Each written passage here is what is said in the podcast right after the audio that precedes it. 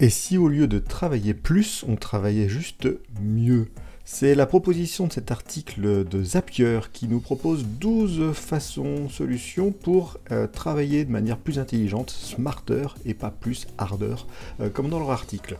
Bienvenue, vous êtes sur le podcast J'ai pas le temps pour ça, proposé par Eric Boucher. Je vous présente des trucs, des astuces, des conseils, des méthodes pour être plus efficace et terminer la journée plus tranquillement. On va essayer d'être plus tranquille avec ces 12 propositions de Zapier, donc pour euh, travailler de manière plus intelligente.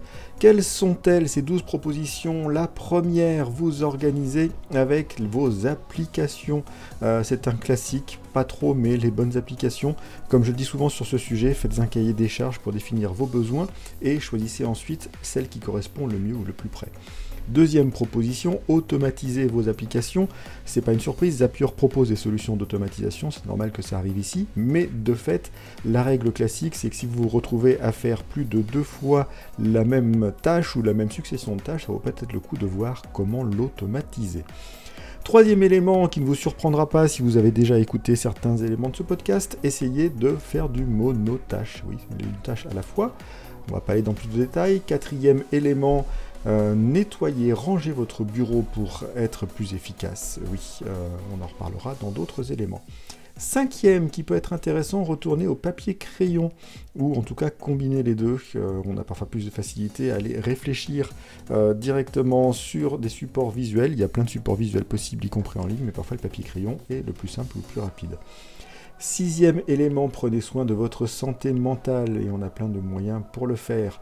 Septième élément, coupez les notifications ou que j'ai coutume de le dire, euh, soyez vigilant avec les notifications que vous autorisez. Vous ne pouvez peut-être pas toujours tout couper, mais en tout cas choisir celles que vous allez vouloir avoir et peut-être aussi réfléchir aux périodes dans la journée où vous souhaitez ou vous acceptez de recevoir des notifications et celles où ce n'est pas possible.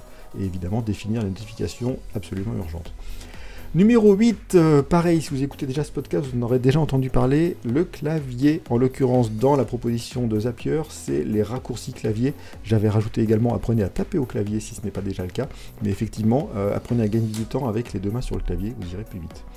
Numéro 9, euh, apprenez à prioriser vos tâches Pareil, un sujet très vaste, on a plein de possibilités. La matrice Eisenhower en est une, la méthode Moscow, qui était dans un épisode précédent de ce podcast, en est une également, mais ça va être important de définir par quoi on commence. Numéro 10, faites une to-do list qui vous corresponde. Oui, on a tous des manières différentes de travailler et la to-do list de mon voisin peut juste paraître totalement inacceptable ou trop difficile à travailler. Donc il va falloir trouver une méthodologie qui vous corresponde. Et on revient au numéro 1 qui était sur les outils, ça va être pareil. Numéro 11, intéressant aussi, délégué. Euh, et ça peut être délégué ou externalisé, les deux sont possibles, donc ça vaut le coup de regarder ça aussi. Numéro 12, on y est presque, c'est le dernier, rajouter une dose d'intelligence artificielle là-dedans, euh, de plusieurs niveaux, dans la rédaction, la vérification grammaticale, le résumé, l'extraction d'actions, donc il y a plein de possibilités là-dessus et plein d'outils pour le faire. Donc voilà, c'était les 12 propositions de Zapier pour travailler plus intelligemment et pas forcément plus dur.